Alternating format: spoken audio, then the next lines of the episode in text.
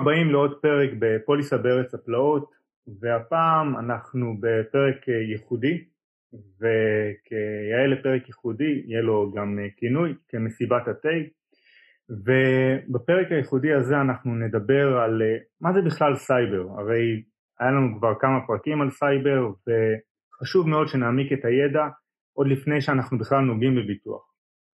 ולשם כך הבאתי אורח מאוד מיוחד ומעניין מאוד, אה, רם, רם לוי. ברוך הבא רם, ברוך הבא למסיבת התה של אה, פוליסה. אהלן. תודה רבה על ההזמנה. שמחה, שמחה רבה.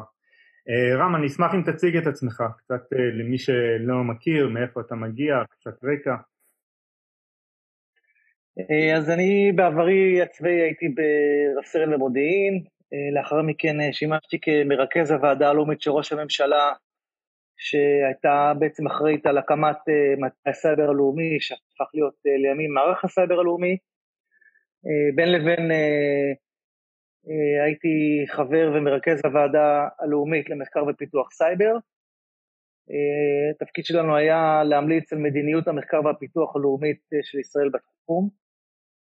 וב-2013 הקמתי חברת ייעוץ שנקראת קונפידס, היא פעילה עד היום, חברה מצליחה מאוד, שמלווה גופים אה, בארץ ובעולם בהיערכות להגנת הסייבר שלהם. אה, ולפני מספר שנים התמניתי גם להיות אה, יועץ הסייבר של איגוד מבטחי התעופה והחלל הבינלאומי. זה למעשה איגוד של כל חברות הביטוח ומבטחי המשנה שמבטחים את כל מה שטס וממריא, או לשמיים או לחלל. מדהים. וכמובן את היצרנים, היצרניות, סליחה, אז אה, בוא רגע נתחיל מההתחלה ברשותך. אה, אנחנו שומעים לא מעט על אה, מה זה סייבר. כל הזמן, כל מהדורת חדשות, מדי פעם בעיתונות, אבל אנחנו בעיקר כבעלי עסקים, במיוחד הקטנים והבעלי העסקים הבינוניים, אנחנו מזהים את זה כאיזה משהו שייך לעולמות ההייטק, ולא משהו שקשור ל... ל... ליום יום נקרא לזה. אתה תוכל להסביר לנו מה זה סייבר בפשטות? תראה, אני אלך להגדרה של אה, אה, מורי ורבי איציק בן ישראל.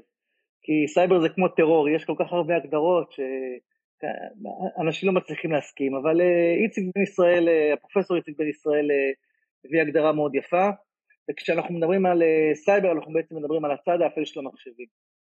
יש את השימוש שאנחנו עושים במחשבים בחיי היומיום, לשלוח אימיילים, לכתוב מסמכים, לשליטה ובקרה לטורבינות של חשמל, בעצם כמעט כל תהליך היום נשלל בצורה כזאת או אחרת אה, על ידי מחשב, mm-hmm. ויש את הצד האפל, אלה שמנסים לפגוע במחשבים האלה, אה, מלבצע את הפעולה התקינה שלהם, אה, בין אם זה לטובת אה, גנבת מידע, אה, חשיפה של מידע סודיות, אה, או זמינות המידע, או שלמות המידע.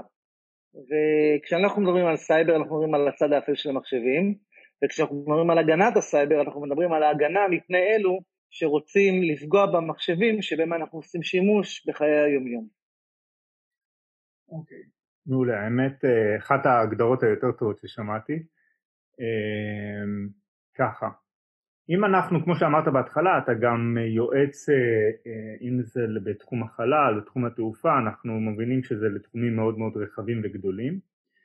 אבל, אה, ובמיוחד מה שאנחנו שומעים בחדשות לאחרונה על כל מיני מתקפות שנעשות אה, נגד ארגונים ממשלתיים ומוסדות ציבור, אז תכלס לקהל המאזינים שהוא בעיקר על בעלי העסקים הקטנים והבינוניים, אותו משרד, אותו אה, מסעדה, או אפילו עכשיו במיוחד עם הקורונה, כל אותם בעלי עסקים שפתחו להם איזה נישה בבית והתחילו עם האי-קומרס למיניהם, אז מה זה רלוונטי אליי כבעל עסק קטן כאשר תוקפים בכלל את אותם ארגונים ממשלתיים, אותם מוסדות ציבור? למה אותי זה צריך לעניין כבעל עסק? אני בסופו של דבר, אה, זה גרגיר בתוך כל, ה, כל הבלאגן הזה. זה נכון, אתה יודע, אבל זה כמו לשאול את השאלה, למה אני צריך לשים חגורת בטיחות? מה זה מעניין אותי? אני בסך הכל נוהג בכביש. והסיבה היא, אה, כי אתה לא, אתה לא שולט על אלה שתוקפים אותך. אה, והיות והכל מחובר להכל, או כמעט הכל מחובר להכל, אז יש שתי אופציות. אופציה ראשונה שמישהו מנסה אה, להגיע למידע שאתה מחזיק מסיבותיו הוא, אה, וזה קורה באמת בסבירות מאוד מאוד נמוכה, אבל זה יכול לקרות. והאופציה השנייה היא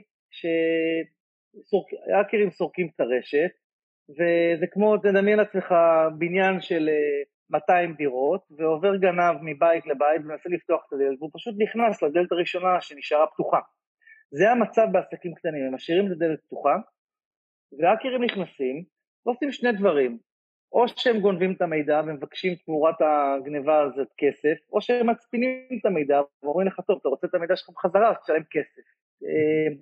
אה, כי רוב התקיפות נעשות למטרות כלכליות, הרוב המוחלט שלהן נעשות למטרות כלכליות, שומע, הרוב המוחלט שאנחנו שומעים עליו הוא לא למטרות כלכליות, אבל מה שבאמת קורה הוא שהרוב למטרות פשיעה. ואתה לא יודע אם תיפול בסטטיסטיקה.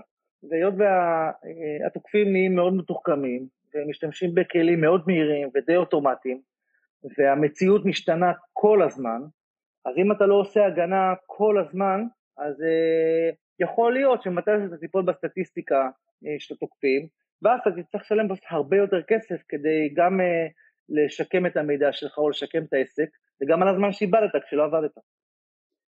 אז למעשה היית יכול לבוא ולהגיד את אותו בעל עסק קטן ככל שיהיה, ואפילו קצת גדול יותר נקרא לזה, לא עכשיו איזשהו אה, תאגיד ענק, הוא למעשה מהווה חוליה חלשה בהתקש... בשרשרת האספקה, אה, בהגדרה של שרשרת האספקה למעשה, לא? אה, התשובה היא כן, אני, רוצה לחלק את התשובה לשתיים. קודם כל העסק, העסק כשלעצמו, בסדר? בלי, מבלי בכלל שהוא נותן שירות למישהו. העסק כשלעצמו יש לו אינטרס, והיום גם יש לו כל מיני חוקים שמחייבים אותו לעשות הגנה, בין אם זה תקנות הגנת הפרטיות הישראליות, או אה, חוקי הגנת המידע האירופאיים, או אה, אם הוא מחזיק, אה, אם הוא מספק שירות חיוני, אז כנראה שמישהו מחייב אותו לעשות הגנה. זאת אומרת, עסק היום צריך לעשות הגנה, כי החוק מחייב לעשות הגנה. וזה מעבר לאינטרס האישי של כל בעל עסק, שהוא לא, לא ישביתו לו את העסק והוא לא יצטרך להוציא אותו מיותרות. זאת הסוגיה הראשונה. יש עסקים שהם מספקים שירות לעסקים יותר גדולים. לדוגמה, אה, בית דפוס אה, שמדפיס את הדוחות הכספיים של חברת ביטוח או של בנק או של אה, חברה, חברה אחרת, הוא נחשב בעיניים של הבנק כספק קריטי. למה?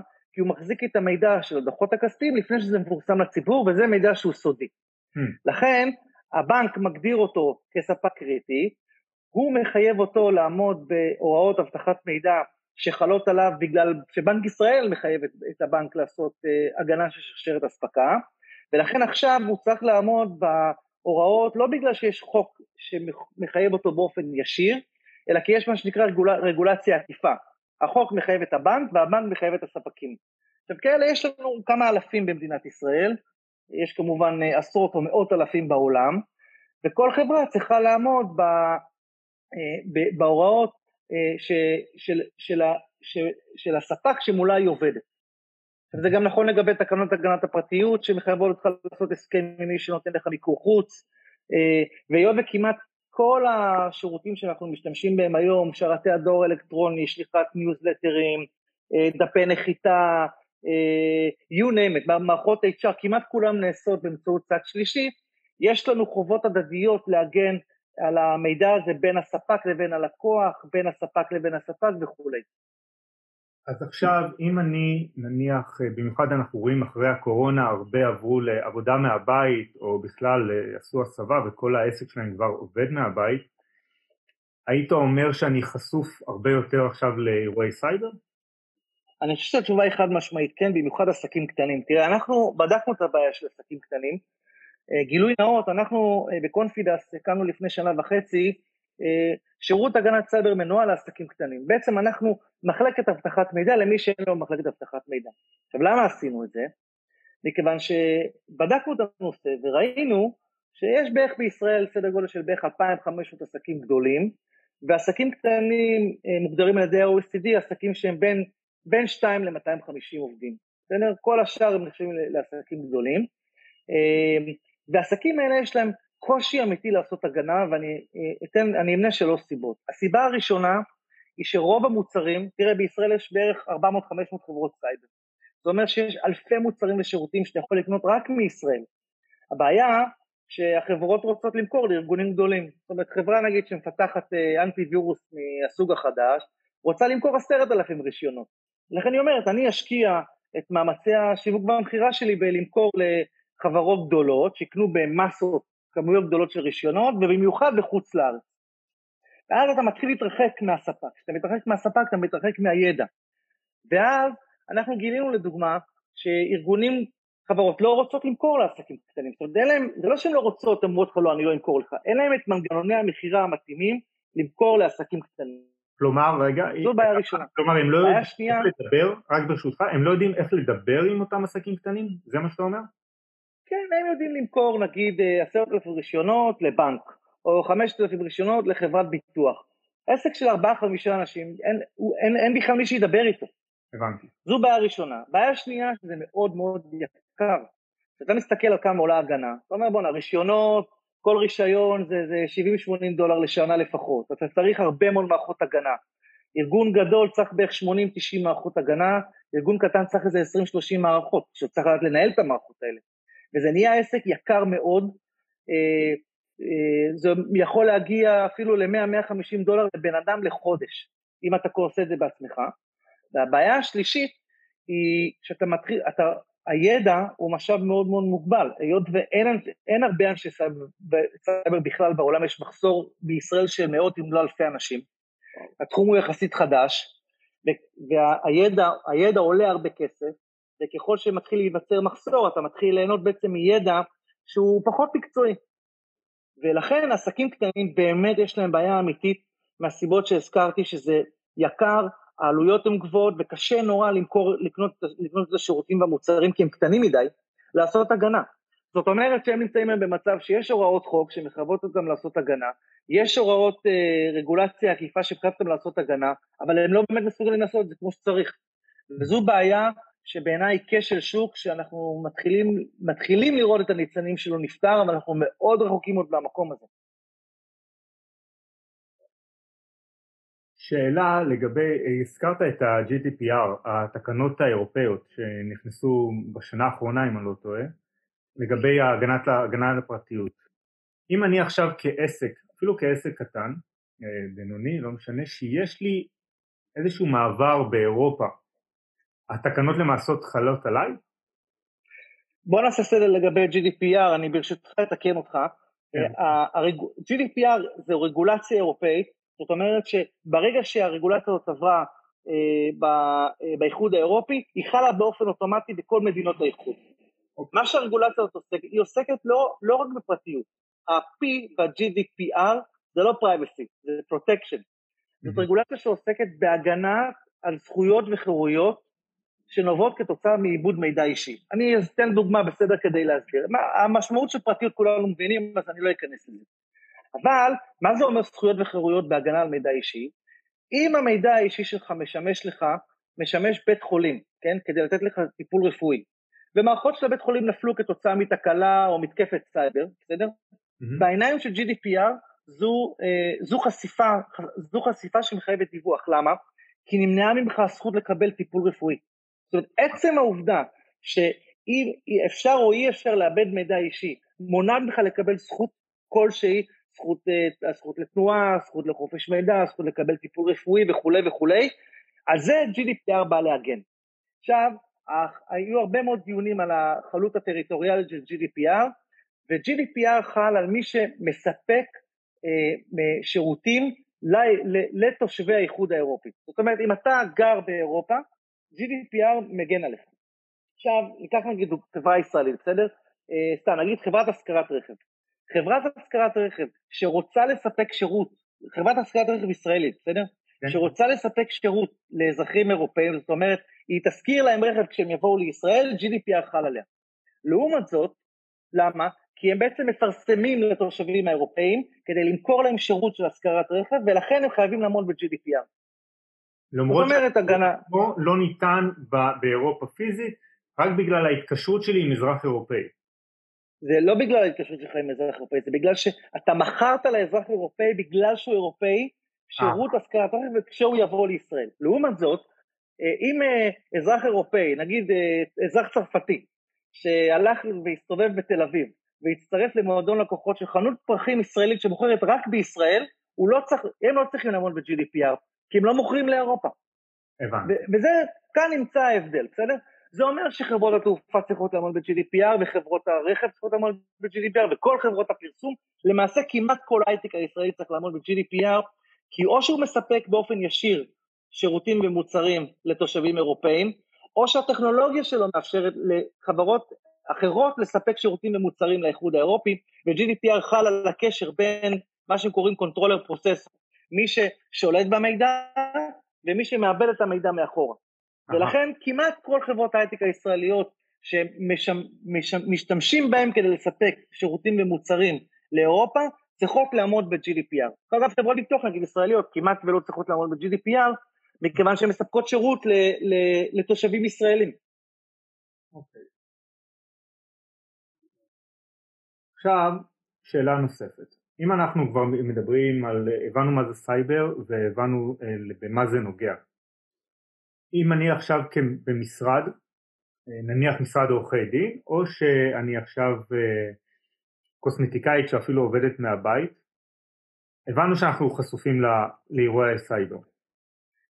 איזה סוגי תקיפות של סייבר אנחנו יכולים לחוות, אם זה כמשרד או אם זה לדוגמה את אותו קוסמטיקאית שיש לה סליקה של כרטיסי אשראי נניח. כעסק קטן או כעסק גדול? כעסק קטן.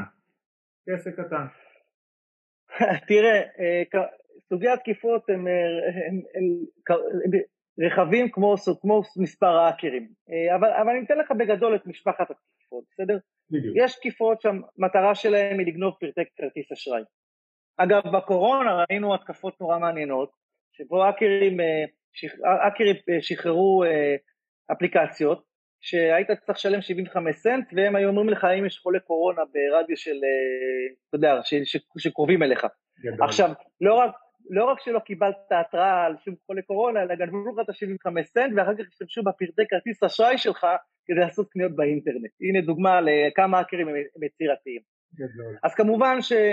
גניבה של פרטי כרטיס אשראי, גניבה של מידע לצורך הפצתו, אה, ריגול עסקי, זאת אומרת גניבה של מידע לטובת ריגול עסקי אה, עבור או מטעם מתחרים, אה, לפעמים אנחנו רואים נגיד מדינות שעושות ריגול עסקי עבור חברות מדינתיות, זה במיוחד נפוץ על ידי גורמים סינים.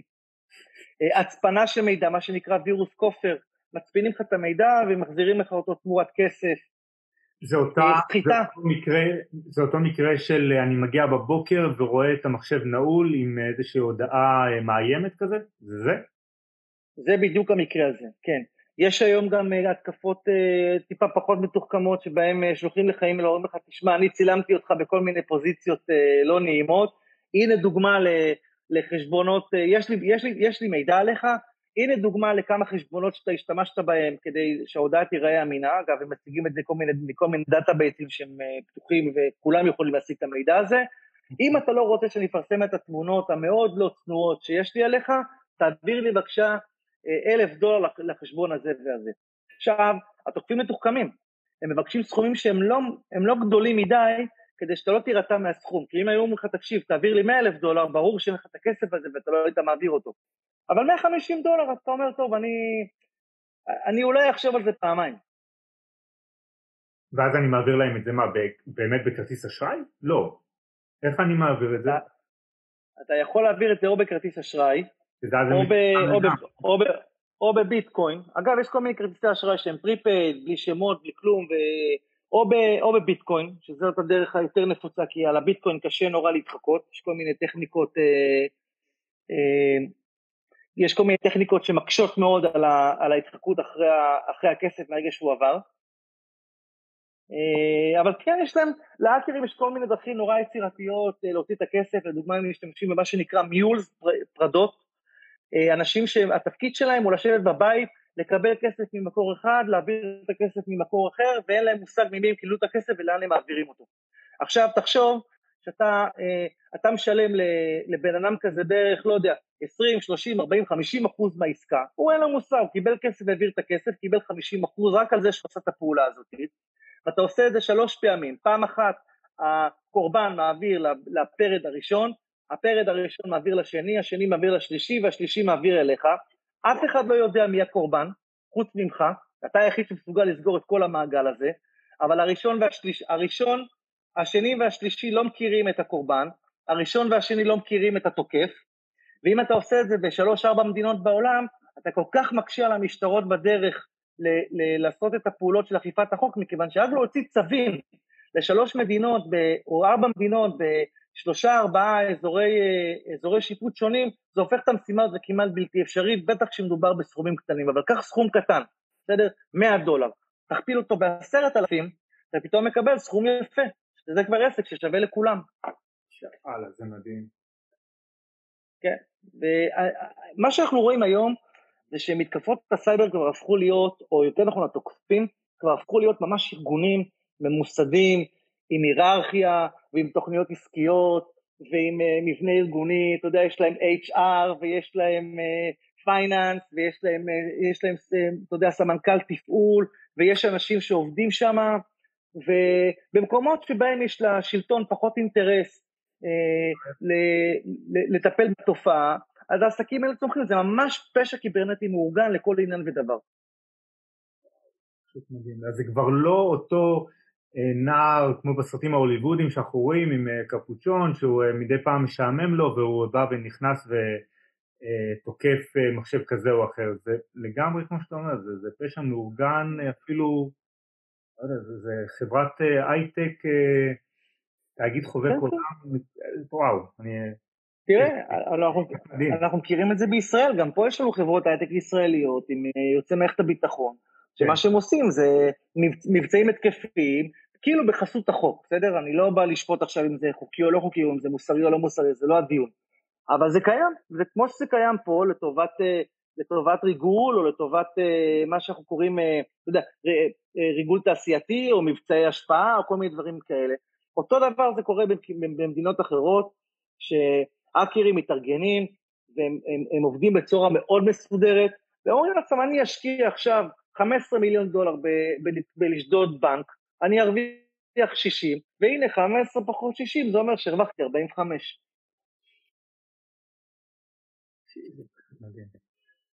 אה, רם, אנחנו אה, כבר הגענו לסיום, אה, ואני, אם נסכם את זה בצורה כזאת, אז אנחנו מבינים שסייבר זה כבר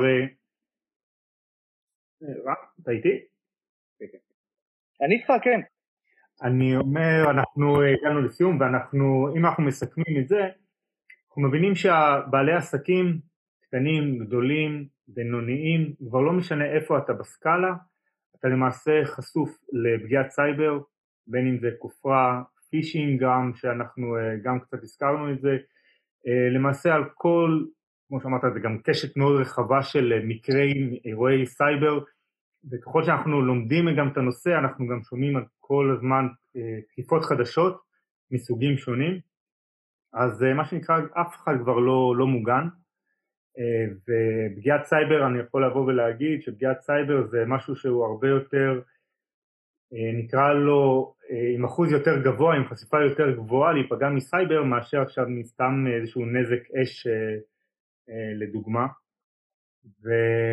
אז כולנו פתוחים, כולנו חשופים לזה, וככל שנתמגן טוב יותר, ככה אנחנו נגן לא רק על עצמנו למעשה, אלא גם על, ה, על חוליה, על כל שרשרת האספקה שלנו. בהחלט. אני, אני רוצה להגיד כמה מילים לסיכום. אתה יודע, אחד, אני חושב שיש היום אה, הבדל מאוד גדול בין אה, עסקים גדולים שנמצאים תחת רגולציה כבר הרבה זמן, וגם יש להם כסף, אה, והם משקיעים אה, בסייבר והם עושים עבודה טובה מאוד, בסדר? אפשר להתווכח, אתה יודע, הם יכולים לתקן פה, לתקן שם, אבל בגדול, הרגולציה ב, בעולם של תשתיות קריטיות, במגזרים הפיננסיים, אה, בחברות היצרניות, הבינלאומיות, התחילה לעשות עבודה לא רעה בכלל, וההתארגנויות שם ממש מראות על זה שיש שם שיפור מאוד משמעותי בהגנת הסייבר. יש, יש עוד מה לעשות, אבל השיפור כבר קיים. בעסקים הקטנים, מה שאנחנו מגלים זה שהם לא עושים אפילו את הדברים הכי בסיסיים. ואני ברשותך רוצה למנות שלושה דברים שבעיניי הם הבסיס של הבסיס, אה, שמזה כדאי להתחיל. קודם כל, כדי לעשות הגנה אתה צריך לדעת על מה אתה מגן. זאת, זאת נקודה מאוד חשובה. והשאלה הראשונה שכל ארגון צריך לשאול את עצמו זה על מה אני מגן. ברגע שאתה יודע על מה אתה מגן, פה צריך לעשות מספר דברים. אחד, זה מה שאנחנו קוראים היגיינה דיגיטלית. תדע שלפחות הדברים שאתה מגן עליהם, המחשבים, הטלפונים, הטלוויזיות החכמות, הם מה שנקרא מעודכנים לגרסאות האחרונות. ולמה זה? מכיוון שתוכנה לא מעודכנת היא תוכנה מחוררת. עכשיו זאת נראית פעולה מאוד פשוטה, אבל משום מה אנשים לא עושים את זה. מעצלנות, מבורות, אה, מחוסר הבנה של למה זה חשוב, וכשאתה לא מעדכן את התוכנות שיש ברשותך, אתה בעצם משאיר את הדלת פתוחה לכל גנב פוטנציאלי להיכנס פנימה. הדבר השני זה, היה ונכנס, לפחות שיהיה לו קשה, בסדר? אם מישהו כבר מנסה לפתוח לך את הדלת, אז תשים מנעול, כן? שלא יהיה כזה קל. מה זה המנעול בעולם שלנו? שיהיה אנטיווירוס. אנטיווירוס שמשלמים עליו, שהוא יהיה מעודכן, שיעשה את העבודה. אפילו אם הוא טיפה מת המחשב, מחשב, בלי, בלי, עם מחשב איתי עם אנטיווירוס, עדיף, מחשב, עדיף מחשב, מחשב מהיר בלי אנטיווירוס. הדבר השלישי, במקומות החשובים, וזה חוזר לסוג, לנקודה הראשונה שאתה צריך לדעת על מה אתה מגן, חשבונות הדואר, חשבונות ה, אה, השרתים שמארחים לך את, ה, את האתר אינטרנט שאתה כל כך נסמך עליו, אה, הניוזלטרים, כאילו אלה שמאפשרים לשלוח ניוזלטרים, איפה שיש מידע בכמות גדולה, שאם לא יהיה לך את זה אתה בבעיה, שם לפחות תשימו סיסמאות כפולות.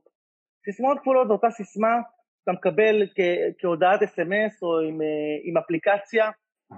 וכל החשבונות, פייסבוק, גוגל, אמזון, אה, כולם מאפשרים להפעיל את הפיצ'ר הזה. עכשיו הפיצ'ר הזה הוא, אה, הוא מונע 99.99% מהתקפות שהמטרה שלהם היא לגנוב לך את, הפר, את, את, הפרטי, את, ה, את הפרטים ואת החשבונות דואר אלקטרוני. עכשיו הדבר הזה הוא באמת פעולה נורא נורא פשוטה שיכולה לעזור לכולם אה, להגן מפני כמות נורא נורא גדולה של התקפות. ואלה שלושת הדברים שהייתי מציע לכולם לעשות. לדעת על מה מגינים, לשמור על המערכות מעודכנות, לשים אנטיווירוס מעודכן ולשלם עליו כסף, ולשים סיסמאות כפולות בחשבונות החשובים. סיכום מעולה. ו... ובאמת מה שאמרת, לדעת על מה אתה מגן, זה נשמע כל כך טריוויאלי, אבל אנחנו מבינים שזה לא. ואם אנחנו בפודקאסט שנקרא, אה, שעוסק בביטוח, אז mm-hmm. גם הייתי שוקל אה, ברצינות לקנות אה, ביטוח סייבר. ביטוח סייבר זה מוצר מצוין, הוא מוצר פרואקטיבי, אה, זאת אומרת שאם יש לך היום בעיה, חברות הביטוח מגיעות עם כל הידע והניסיון ואנשי המקצוע והצוותים המתאימים, וממש עוזרים לך בזמן אמת להתמודד עם הבעיה. זאת אומרת, זה לא ביטוח כמו רכב או ביטוח רכוש, שבו אתה מגיש את החשבונית אחר כך ומגיע שמאי להעריך את הנזק. פה חברת הביטוח, היא עוזרת לך לטפל בבעיה בזמן אמת, וזה ביטוח שהוא אחד הביטוחים הכי טובים היום שקיימים בעולם, הוא, הוא הביטוח שהכי צומח היום בשוק הביטוח, והוא גם ביחס עלות תועלת הוא ביטוח יחסית זול למה שהם מקבלים, ואני ממליץ בחום לחברות לקנות את הביטוח הזה. פנטסטי, אה, פנטסטי, אין לי, אין לי מה להוסיף אה, מעבר, אתה אמרת את זה חד, אה, חד וחלק. רם, לפני שנגיד תודה ולהתראות, היית רוצה להוסיף עוד משהו, כל דבר שעולה לך לראש? הייתי רוצה להגיד לך תודה רבה, אני חושב שהפודקאסט שלך הוא מצוין. אה, וזה שאפשרת לי לבוא ולדבר על אה, סייבר ובסוף לקנח עם הצורך לעשות ביטוח סייבר, אני מודה לך על זה מאוד, ואני מקווה שניפגש שוב. ניפגש, אה, תודה רבה רם, מעריך את זה מאוד, ושיהיה לכולנו ערב טוב. תודה רבה. תודה רבה.